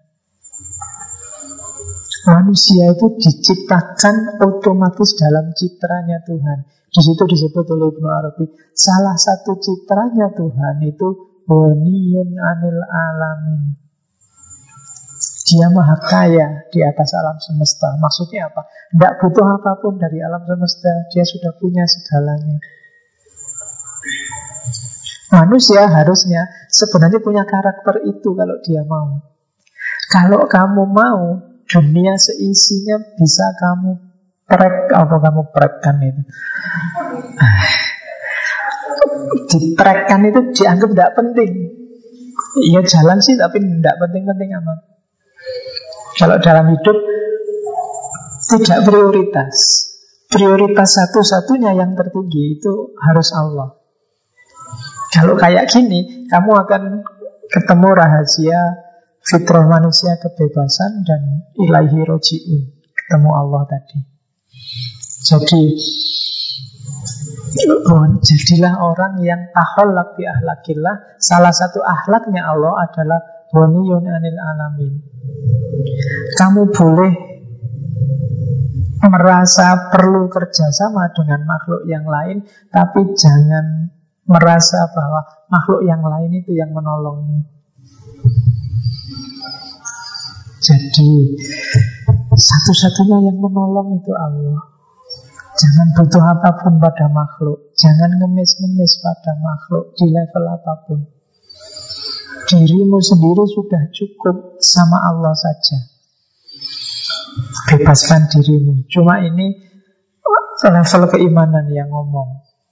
Saya sering bilang, Allah itu kayak gimana? Allah sendiri bilang, Ana imbazoni abdi. Kalau kamu yakinnya setengah, ya Allah datangnya setengah. Tenang aja mas, kalau Allah mengizinkan, kamu dapat istri cakep, kamu kaya raya. Apa iya pak? saya kayak gini. Oh yakinmu setengah, Allah datangnya setengah. Kalau kamu nggak yakin ya enggak. Jadi para wali, para ulama itu kan keimanannya dalam mantep jadi yakin. Mungkin kamu heran ya, itu kiai-kiai itu enggak kerja cuma di rumah ngajar ngaji. Santri bayar ya untuk pondok, ya untuk macam-macam. Kok kaya luar biasa dari mana? Terus kamu curiga. Iya kan? Karena isi pikiranmu kan selalu yang jelek-jelek tadi. Tiap hari nonton TV, nonton KPK. Jadi bayanganmu kalau ada orang kaya Tidak jelas sumbernya Mesti daerah situ-situ Ya kan? Yo, itu level imanmu Level imannya mereka mungkin tidak Banyak kiai-kiai para ulama yang Tidak mikir sama sekali Dia dapat uang apa enggak ya tidak mikir kalau nggak percaya mungkin kiai yang kamu anggap kaya datanglah ke sana tidak usah ngamplopi tetap kalau waktunya makan kamu juga mungkin ditawani makan dan selalu ada. Itu mungkin levelnya jadi anak indah demi abdi. Kalau kamu merasa cukup dengan Allah saja yakin 100% akan jalan. Tapi kalau enggak ya enggak. Kalau kamu masih Ya enggak pak, kita manusia itu kan ya butuh yang lain. Kadang-kadang ya utang barang, kadang-kadang ya barang ya, ya sudah. Level keimananmu masih sampai di situ Masih masih merasa butuh pertolongan yang bukan Allah Dan ini nggak bisa dipaksa, nggak bisa diteorikan Saya bilang tadi Ini urusannya sama laku Kadang-kadang kan Wali-wali itu kan sering gitu. Saya saya dulu pernah juga diperintah gitu. Jauh-jauh ke rumahnya, dah motornya tinggal pulang jalan kaki. Itu kan kalau pakai akal jalan kaki. Ini berapa puluh kilo sikil. Ya, bismillah aja. Ternyata ya aman dalam arti baru jalan kaki sebentar ada teman lah kok jalan kaki aja. Bareng yuk, ya alhamdulillah. Iya kan? Tapi kalau tadi ragu-ragu, oh enggak usah Pak Yai, saya enggak masuk akal lah itu. Motor ngapain di sini juga motor enggak kepake, uang motor-motor saya tak pakai aja. Ya kan? Ujian-ujian kayak gini yang Bagi saya kadang-kadang penting untuk ngetes sejauh mana kamu percaya dan yakin pada Allah dan kebesarannya. Tapi ya itu memang levelnya memang harus naiknya dikit-dikit nggak bisa nggak bisa setelah ngaji ini tiba-tiba saya ingin langsung kayak Ibnu Arabi Pak Yoraiso stepnya pelan-pelan ya ngaji ini direkam nanti didengerin kapan-kapan. Oh ya sekarang stepnya naik dikit gimana gitu. Oke. Realisasinya sekarang. Katanya Ibnu Arabi realisasi kebebasan yang sejati ya kayak tadi lepaskan dirimu dari ketergantungan kepada apa pun selain kepada Allah. Satu-satunya tugasmu adalah menghamba kepada Allah. Tidak diperbudak oleh apa pun selain Allah. Tidak diperbudak oleh cita-citamu sendiri, tidak diperbudak oleh target-targetmu sendiri, tidak diperbudak oleh lingkunganmu. Satu-satunya yang boleh nyetir kamu hanya Allah. Oke. Okay. Terus berarti rumusnya kebebasan dalam dunia sufi adalah kebebasan negatif Freedom for-nya, ini kan freedom for, bebas untuk apa? Bebas untuk Allah. Berarti apa? Freedom from makhluk dan freedom for Allah. Turunnya sufi jadi bebas dari semua keterikatan dengan makhluk dan bebas untuk menuju Allah. Keterikatan itu bukan berarti terus tidak punya, punya tapi tidak terikat. Jadi mungkin pernah tak ceritain bahkan dua tiga kali tak ceritakan kan Ibnu Arabi punya murid teman sebenarnya teman sekaligus murid sama-sama sufi. Sufi ini miskin sekali, murid sufinya ini tinggalnya di tepi pantai, penghasilannya dari nelayan. Nah, murid sufinya ini kalau dia dapat ikan dagingnya ikan yang enak-enak dikasihkan ke fakir miskin dia sendiri cuma makan tulangnya ikan Nah, satu ketika dia ingin mengunjungi guru gurunya, ingin mengunjungi Ibnu Arabi, akhirnya mengutus apa cantriknya, muridnya di cuman tolong kamu datang ke guruku Ibnu Arabi, dia pesan apa padaku.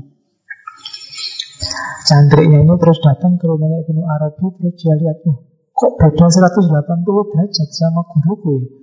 Ibnu Arabi ini kaya raya Pelayannya banyak Kelihatannya barangnya mewah-mewah semua Tapi tidak berani ngomong ngomong cantrik Terus tanya, kamu dari mana? Saya dari Ustadz ini rumahnya yang di pinggir pantai Apa jenengan ada pesan nggak untuk guru saya yang di pinggir pantai? Katanya Ibnu Arabi, aku pesan ke gurumu ya, jangan terlalu mikir dunia. Itu kan mangkal ya muridnya. Gimana tidak terlalu mikir dunia, ini yang kaya raya. Guruku gubuknya kecil tiap hari makan tulang ikan ya. Pesannya jangan terlalu mikir dunia. Begitu pulang ditanya ada pesan apa dari Syekh Ibnu Arabi katanya muridnya ini Ibnu Arabi itu kaya raya Tapi kok malah pesen Jangan mikir dunia kan jenengan. Oh jadi pesennya itu jangan mikir dunia. Dia Muridnya ini mikir sebentar Terus nangis dia. Setelah nangis kok guru malah nangis ya? Benar Syekh Ibnu Arabi Karena jadi dia ini memang kalau dapat ikan yang enak-enak, yang bagus-bagus dikasihin ke yang mesin dia cuma makan tulang. Tapi sambil makan tulang itu pikirannya ini seandainya nggak cuma tulang ada dagingnya mungkin enak ya. Cuma mikir itu. Jadi sementara guruku yang Ibnu Arabi itu rumahnya kaya raya, hartanya banyak, tapi dia nggak terikat sedikit pun dengan hartanya. Seandainya detik itu juga semua hartanya hilang, dia nggak kaget. Jadi yang sini makan tulang tapi isi pikirannya tentang dunia, tentang enaknya tulang yang ada dagingnya, yang sana kaya raya tapi harta bagi dia bukan apa-apa. Nah itu bedanya terikat dan tidak terikat. Jadi nggak mesti yang tidak terikat itu yang tidak punya. Kadang-kadang justru yang banyak mikir cewek itu yang nggak punya pacar. Yang punya pacar itu sudah tidak mikir macam-macam lagi tentang perempuan, takut sama pacarnya. Jadi coba dicek ya. Yang ribut jomblo-jomblo kan yang asli jomblo. Yang yang sudah punya pacar sudah tenang hatinya, sudah nggak mikir macam-macam lagi. Oke, terus, ah, Makom al-hurriyah, makom kebebasan itu katanya Ibnu Arabi adalah makom tahakkuk. Bukan makom tahalluk. Ini yang saya bilang agak mikir sebentar. Jadi dalam dunia tasawuf selain tadi ada tahalli, tahalli, tajalli, ada yang namanya ta'aluk Tahaluk sama tahakuk. Ta'aluk itu menggantungkan diri hanya pada Allah. Ta'aluk itu menyambungkan dirimu terus sama Allah. Itu namanya ta'aluk Alako itu kan ikatan, sambungan. Jadi di atas ta'aluk ada taholuk Kalau taholuk setelah nyambung sama Allah Terus ingin mengisi dirimu dengan sifat-sifatnya Allah. Itu namanya takholuk. Mentalmu mental Allah. Dan yang terakhir tahakkuk. Tahakkuk itu mengaktualkan mentalitas bebas, isi dari Allah tadi untuk kehidupan nyata. Itu namanya tahakkuk. Kamu ingat Allah terus menerus Saya harus dekat terus sama Allah. Itu namanya ta'aluk Biar Allah senang Dan mau dekat terus padaku Aku harus taholuk Ya kan? Menyesuaikan hidup sesuai keinginannya Allah Mengisi hidup dengan akhlak yang diinginkan oleh Allah. Nah setelah terisi Ini dipraktekkan. Nggak cuma dimengerti dan disadari. Dipraktekkan langsung Itu namanya tahakuk Jadi makomnya kebebasan itu makom tahakuk Tidak sekedar dipahami teorinya Tapi juga harus dijalankan. Tidak sekedar kamu ngerti bahwa kamu harus bebas dari makhluk Tapi juga dijalankan. Bebaskan dirimu dari makhluk. Itu namanya tahakuk Nah, tahakuk itu kayak tadi, kayak di insan kamil. Jadi diawali dari kesadaran bahwa kita itu mungkinul wujud. Mungkinul wujud itu bisa iya, bisa enggak. Yang bikin kita ada itu Allah. Berarti apa? Kita itu hakikatnya enggak ada. Allah yang bikin kita ada. Dan semua makhluk yang lain itu juga hakikatnya nggak ada. Maka kalau ada orang yang hakikatnya nggak ada, kalau dia pinter, dia tidak akan bersandar pada yang lain yang juga sama-sama hakikatnya nggak ada. Sama-sama mungkin sandaran itu berarti apa? Satu-satunya yang pasti ada, wajib ada, yaitu Allah. Jangan minta tolong ke sesama manusia, sesama makhluk. Karena kamu dan dia itu statusnya sama. Bisa iya, bisa enggak. Dan hakikatnya enggak ada. Dia ada kalau Allah mengizinkan dia ada. Jangan utang ke temenmu Karena temenmu itu dia punya uang Kalau Allah mengizinkan dia punya uang Mintalah ke Allah, nanti kalau Allah mengizinkan, kamu tidak usah utang, dikasih sama temenmu. Susah ya mikir kayak gini, ya tidak mungkin pak kayak gitu. Yo, ya memang masih tidak mungkin di level kepercayaan keimanan kita sekarang yang kayak gitu itu tidak mungkin. Ini urusannya level memang. Urusannya makom, makom kita belum nyampe Sehingga yang gitu-gitu rasanya tidak mungkin Nah kalau saya nggak ngomong, nggak minta apa ya ujuk-ujuk dia nyemas tak utangi kan nggak karena kita memang belum nyampe ke situ. Tapi katanya Ibnu Arabi hanya orang bodoh yang bersandar pada sesuatu yang sama-sama lemahnya. Orang sama-sama mungkin wujud, sama-sama aslinya tidak ada. Oke, satu-satunya kebutuhanmu itu harus hanya pada Allah. Kalau mau bersandar minta tolong butuh apa-apa sebutlah Allah. Pasti dikabulkan. Kalau enggak berarti level keyakinanmu yang membunyikan. Saya sejak S1, sejak semester 1 sudah berdoa loh Pak biar kumlot, tapi kok enggak kumlot-kumlot. Ah, itu doanya masih sambil kamu ragu. Bisa enggak ya kumlot? Aku nih kelas enggak paham-paham. Itu kamu sendiri yang ragu. Ya enggak nyampe. Akhirnya juga enggak nyampe.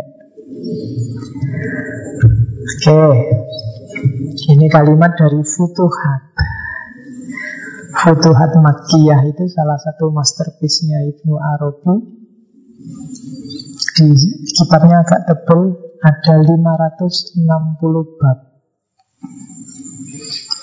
Jangan salah. Ya lah mau kapan kamu. Ibnu Arabi itu sepanjang hayatnya dia menulis tidak kurang dari 850 kitab. 700 yang tersisa sampai hari ini cuma yang fix teridentifikasi bahwa benar karya Ibnu Arabi sekitar 450. Ya, kalau dibandingkan sama umurnya agak nggak nyambung. Tapi Ibnu Arabi sendiri bilang, kalau saya nulis itu berarti saya sedang dapat ilham, sedang dapat kasyaf, sedang dapat pen, apa, pembukaan dari Allah dan nulis. Ibnu Arabi kalau nulis itu tidak pernah putus. Dalam arti begitu nulis, dia tidak akan berhenti sampai tamat dari bab awal sampai bab akhir. Dengan pelimpahan dari Allah saat itu juga nulis dan itu bisa ratusan halaman. Beberapa bab kalau di Futuhat itu ada yang sampai 300 halaman. Jadi, yo jangan disamakan kita. Makomnya betul, kamu nulis orang halaman aja pontang-panting berbulan-bulan. Iya, oh, rata tadi. Ya kan, nah, Ibnu Arabi tinggal begitu dia dapat kasaf, pegang pena, nulis dan tidak akan berhenti sampai selesai. Itu Ibnu Arabi ya termasuk yang kalian ngaji yang bareng cakus itu yang tarjumanul aswak itu. Itu kan ditulis ketika dia sebenarnya cinta untuk Allah tapi dipicu oleh melihat anaknya seorang syekh di Mekah yang cakepnya luar biasa putri. Dan dia dengan mengisyaratkan jatuh cinta pada anaknya syekh itu tapi diarahkan ke Allah. Jadi jatuh cintanya ke situ, tapi arah cintanya dikiblatkan ke Allah. Kalau kamu bisa kayak gitu, bagus. Apalagi melahirkan kitab, kan luar biasa. Jadi kalau jatuh cinta, kalau jomblo itu ya yang kreatif lah, lahirlah naskah-naskah kitab, buku itu kan. Jadi jomblo tapi kreatif, jomblo yang membawa berkah jadi buku kan gitu. Oke, ketahuilah bahwasanya kebebasan dalam pandangan kami adalah menghilangkan sifat kehambaan dengan menggantinya dengan sifat ketuhanan ketika segenap hidupnya dikembalikan kepadanya. Inilah eksistensi hamba yang sebenar-benarnya. Dengan begitu ia menjadi tempat bagi daya Tuhan. Jadi di kita ada, saya bilang tadi kan maksud adalah hud. Ada kemanusiaan, ada ketuhanan. Kalau ingin manifestasi ketuhanan masuk, daya ketuhanan masuk, jadikan dirimu, kalau komputer, jadikan dirimu kompatibel cocok sama frekuensi ketuhanan. Caranya apa? Yang kemanusiaan tadi disingkirkan, jangan ditaruh di tengah. Ketika karaktermu karakter ketuhanan, kamu klop sama Tuhan, daya Tuhan masuk. Tapi kalau masih banyak kecampuran manusia, ya nggak bisa masuk pas. Dia seret masuknya, banyak halangannya. Meskipun Allah sudah apa sudah ngintip-ngintip, tinggal mau masuk, tapi dalam dirimu terlalu rame, terlalu berisik, terlalu ribut, terlalu banyak halangan, ya Allah tidak bisa masuk. Untuk daya ini, untuk Allah bisa masuk, ya yang nasutnya harus agak disisihkan. Depending sementara, biar Allah bisa masuk. Itu hal al-huriyah, ahwal huriyah. Jadi kebebasan dari makhluk ketika Allah masuk. Itu namanya hal. Hal itu kondisi. Ahwal. Ini anugerahnya Allah. Biarkan Allah datang. Bukan kamu yang datang ke Allah. Nggak nyampe, nggak kuat. Jadi carilah ridhonya Allah untuk Allah sendiri datang padamu. Karena kalau kamu sendiri yang ngejar Allah berapa kekuatanmu. Ini yang saya bilang tadi hadis kutsi sangat terkenal tidak usah saya baca. Sesungguhnya Allah berkata, barang siapa memusuhi waliku, maka aku menyatakan perang terhadapnya. Kalau levelmu sudah insan kamil tadi, tidak akan ada yang bisa mengalahkanmu. Karena kamu tidak bisa sedih, tidak bisa takut oleh apa pun, Allah selalu melindungimu. Kalau kamu jalan, Allah yang jadi kakimu. Kalau kamu melihat Allah yang jadi matamu. Kalau kamu bergerak, Allah yang jadi tanganmu. Dan seterusnya. Ini adanya di hadis Qudsi. Hadisnya cukup terkenal. Ini untuk menunjukkan bahwa begitu makommu sufi wali, makommu insan kamil, Allah yang menggerakkan hidupmu total. Dan kalau Allah yang menggerakkan hidupmu, tidak ada yang jelek, nggak ada kegagalan, nggak ada ketakutan, nggak ada kesedihan. Pasti nyaman, pasti enak, pasti nikmat. Oke, nah ini yang menarik dari Ibnu Arabi. Puncaknya kebebasan adalah tarkul hurriyah, tinggalkan kebebasan. Jadi ini makom hurriyah yang paling tinggi adalah makom tarkul hurriyah. Jadi ini Ibnu Arabi seolah-olah bilang jangan mau jadi orang bebas. Tapi satu-satunya yang boleh memperbudak kamu, bikin kamu tidak bebas hanya Allah. Kalau di Ibnu Arabi di Futuhat disebut makom ubudiyah itu lebih mulia daripada makom hurriyah. Jadi levelnya itu hurriyah, kebebasan dari makhluk. Di atasnya hurriyah ada ubudiyah. Ubudiyah ini kayak takholak tadi. Sifat kehambaan. Jadikanlah dirimu berposisi sebagai hambanya. Kesadaran bahwa satu-satunya yang boleh memperbudak kamu, menghambamu hanya Allah. Itu ubudiyah. Di atas ubudiyah ada namanya ubudah. Ubudah itu penghambaan. Prakteknya sekarang.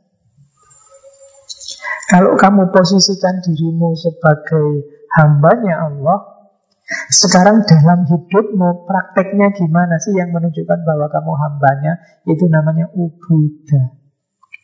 Nah, ubudah inilah yang disebut makom tarkul hurriyah meninggalkan kebebasan. Jadi bebaskan dirimu dari semua makhluk, kemudian sadari posisimu sebagai hamba, sifat kehambaan, dan yang lebih tinggi dari itu, tinggalkan kebebasan, jadilah hambanya Tuhan dalam hidupmu sehari-hari.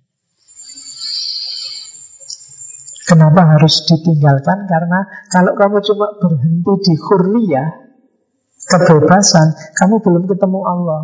Kamu masih sibuk menghindar dari makhluk. Kamu masih sibuk membersihkan diri, kamu masih sibuk. Allahnya belum muncul. Kamu masih sibuk dengan makhluk. Waduh, aku kok terikat sama harta. Waduh, aku kok terikat sama nilai. Waduh, kamu kan sibuk di situ. Allahnya belum ada. Kalau hanya hurriyah. Begitu kamu bebas, isilah ini dengan penghambaan, dengan ubudiyah.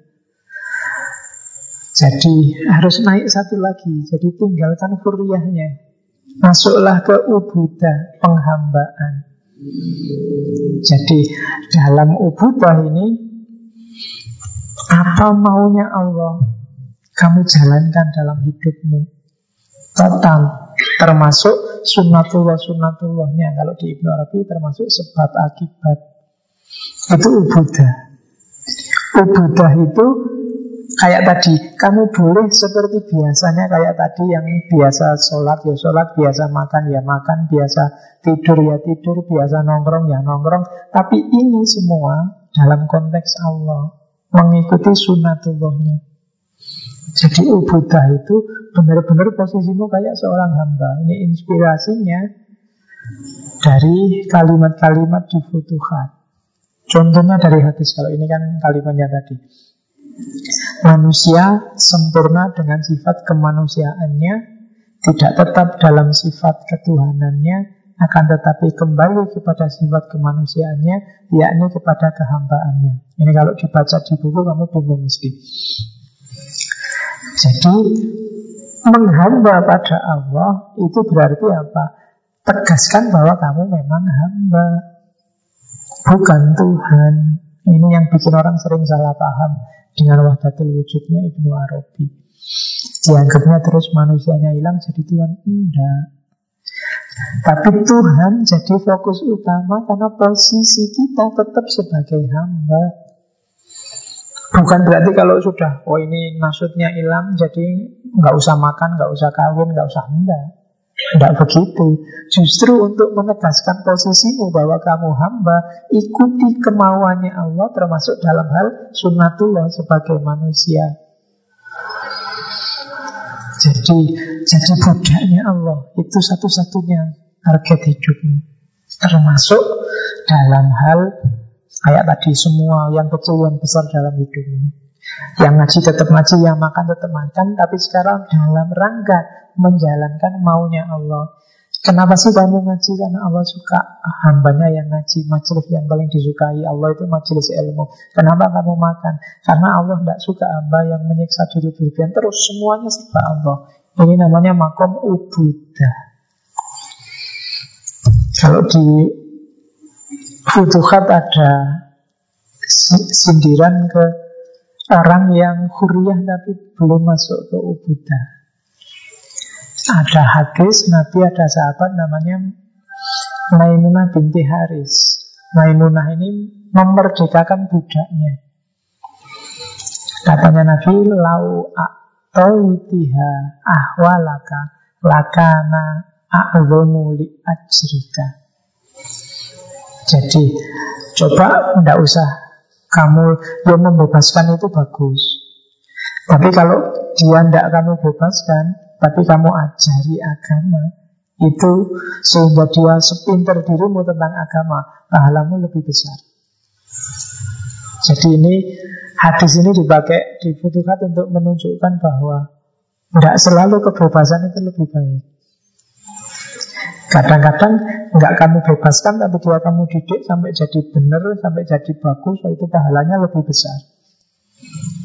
Ada contoh lagi hadis tentang keunggulan Buddha. Jadi satu ketika Nabi itu ibadah ya biasa kan kalau malam mau rumahnya juga di tengah masjid.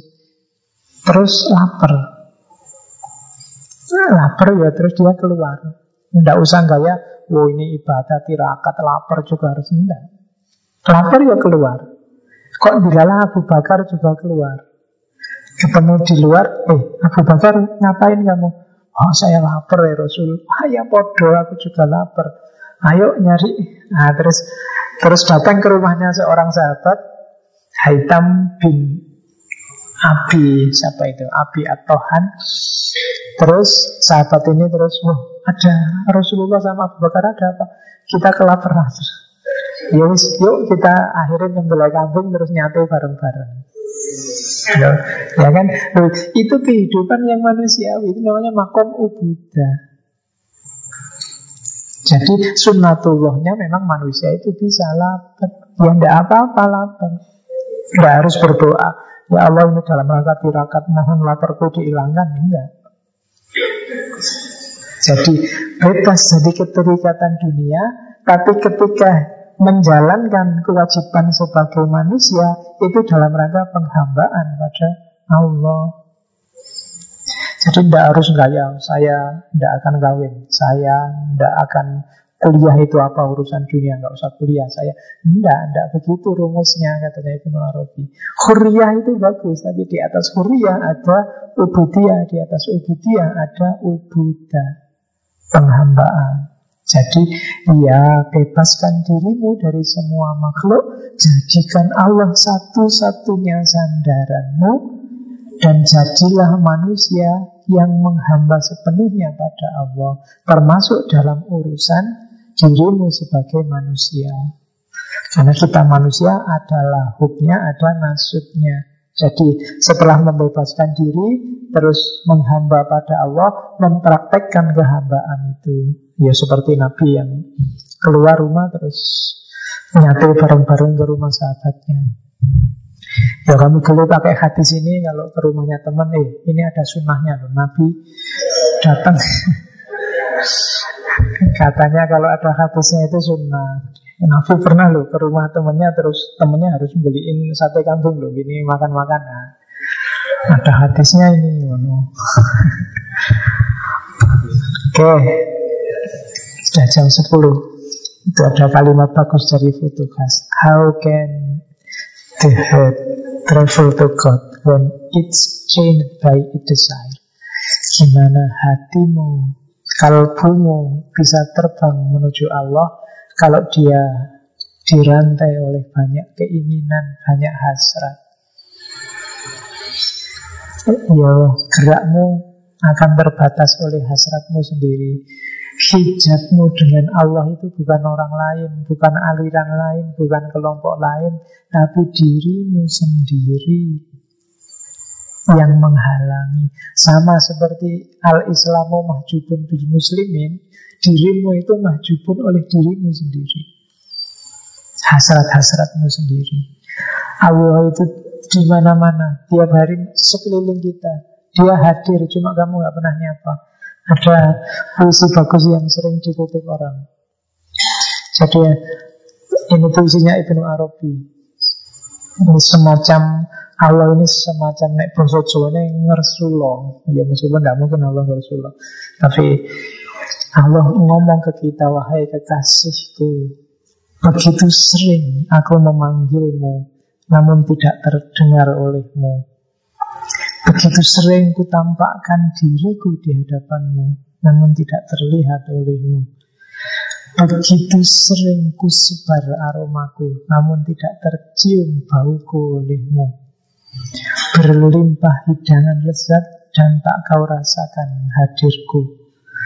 Mengapa tak mampu engkau sampai padaku bersama segala yang engkau sentuh? Atau mencium bauku seiring aroma harum sekelilingmu. Mengapa tak kau lihat diriku? Mengapa? Itu maksudnya, kok bisa sih Allah itu begitu absennya dalam hidupmu? Padahal dia selalu siap ready, dia pengen banget dipanggil. Saya bilang pengen banget kan kayak hadis kudsi tadi loh. Wa uridu an u'rofa. Aku ingin dikenal maka kalian diciptakan. Tapi setelah diciptakan kok yang menciptakan nggak mau kenal lagi. Kamu cueki dia, Allah sampai teriak-teriak. Bahkan di masjid itu volume mikrofon sampai berapa? Manggil kamu. Kadang-kadang ada adzan kamu malah gerundel lagi asik-asiknya adzan. Ya kan? Allah banyak manggil. Di sekeliling kita Mungkin sambil ngaji gini sejak tadi Allah Sudahkah hadir sama dirimu Meskipun ini ngaji yang memerintahkan Untuk Allah hadir dalam dirimu Tapi sudahkah kamu menghadirkan Allah sejak tadi Dalam ngaji ini? Ya, Mungkin juga enggak. Oke, itu kelemahan kita. Maka sejak tadi saya bilang mungkin memang belum makomnya, tapi tidak boleh berhenti di makom yang belum itu. Harus gerak terus. Ilaihi rojiun. Kita harus tenggelam dalam cahaya, jangan tenggelam dalam kegelapan. Kayak kata-katanya Ibnu Arabi sendiri. Orang yang bodoh itu tidak akan dia paham kebodohannya karena dia sedang tenggelam dalam kegelapannya sendiri. Dan orang yang pinter, orang yang ngerti, itu juga tidak akan ngerti kepinterannya karena dia sedang tenggelam dalam cahaya. Maka tidak usah capek-capek kamu membudayakan debat. Debat sama orang yang bodoh tidak akan selesai karena dia tenggelam dalam kegelapannya sendiri. Dan sama orang yang pinter juga tidak usah debat. Orang yang pinter itu dia tenggelam dalam cahayanya. Dia asuk dengan ilmunya. Dia pasti Orang yang pintar itu pasti dia tidak akan menyombongkan dirinya. Karena dia sudah asik Dia sudah lega dengan cahaya di sekelilingnya. Jadi Maka dalam hidup kita Usahakan selalu bareng cahaya. Kalau tidak mampu Kamu menuju Allah langsung Bantuannya banyak ada Rasulullah, ada Al-Quran, ada para ulama. Ikuti mereka menuju cahaya. Tidak usah membanggakan kegelapanmu. Segera keluar kalau merasa itu kegelapan. Dan itu pesan utama dalam Futuhat Makkiyah. Oke, Alhamdulillah sudah jam 10 Kita sudah bebas dari tema ngaji malam hari ini filsafat kebebasan Ibnu Arabi. Semoga tidak ada perubahan pikiran saya bulan depan kita dengan filsafat keadilan. Oke, kenapa harus keadilan ya saya tidak tahu. Mungkin gara-gara banyak orang memang poligami harus adil itu. Apa sih keadilan itu? Cuma ini nanti levelnya filsafat Beberapa ngomongnya nanti di level filsafat politik Karena kebanyakan keadilan itu kan levelnya sosial politik Oke, itu ngaji malam hari ini Semoga ada manfaatnya Sedikit atau banyak Sekali lagi kan saya tegaskan, jangan sign for sign, nambah ilmunya, nambah kualitas kehidupannya jadi lebih baik, perilakunya jadi lebih baik. Kalau perilakunya baik, ketemunya bahagia. Dan itulah tujuan kita hidup di dunia ini. Oke, saya kira itu kurang lebihnya mohon maaf. Wallahul muwafiq, wallahu a'lam bisawab. Wassalamualaikum warahmatullahi wabarakatuh.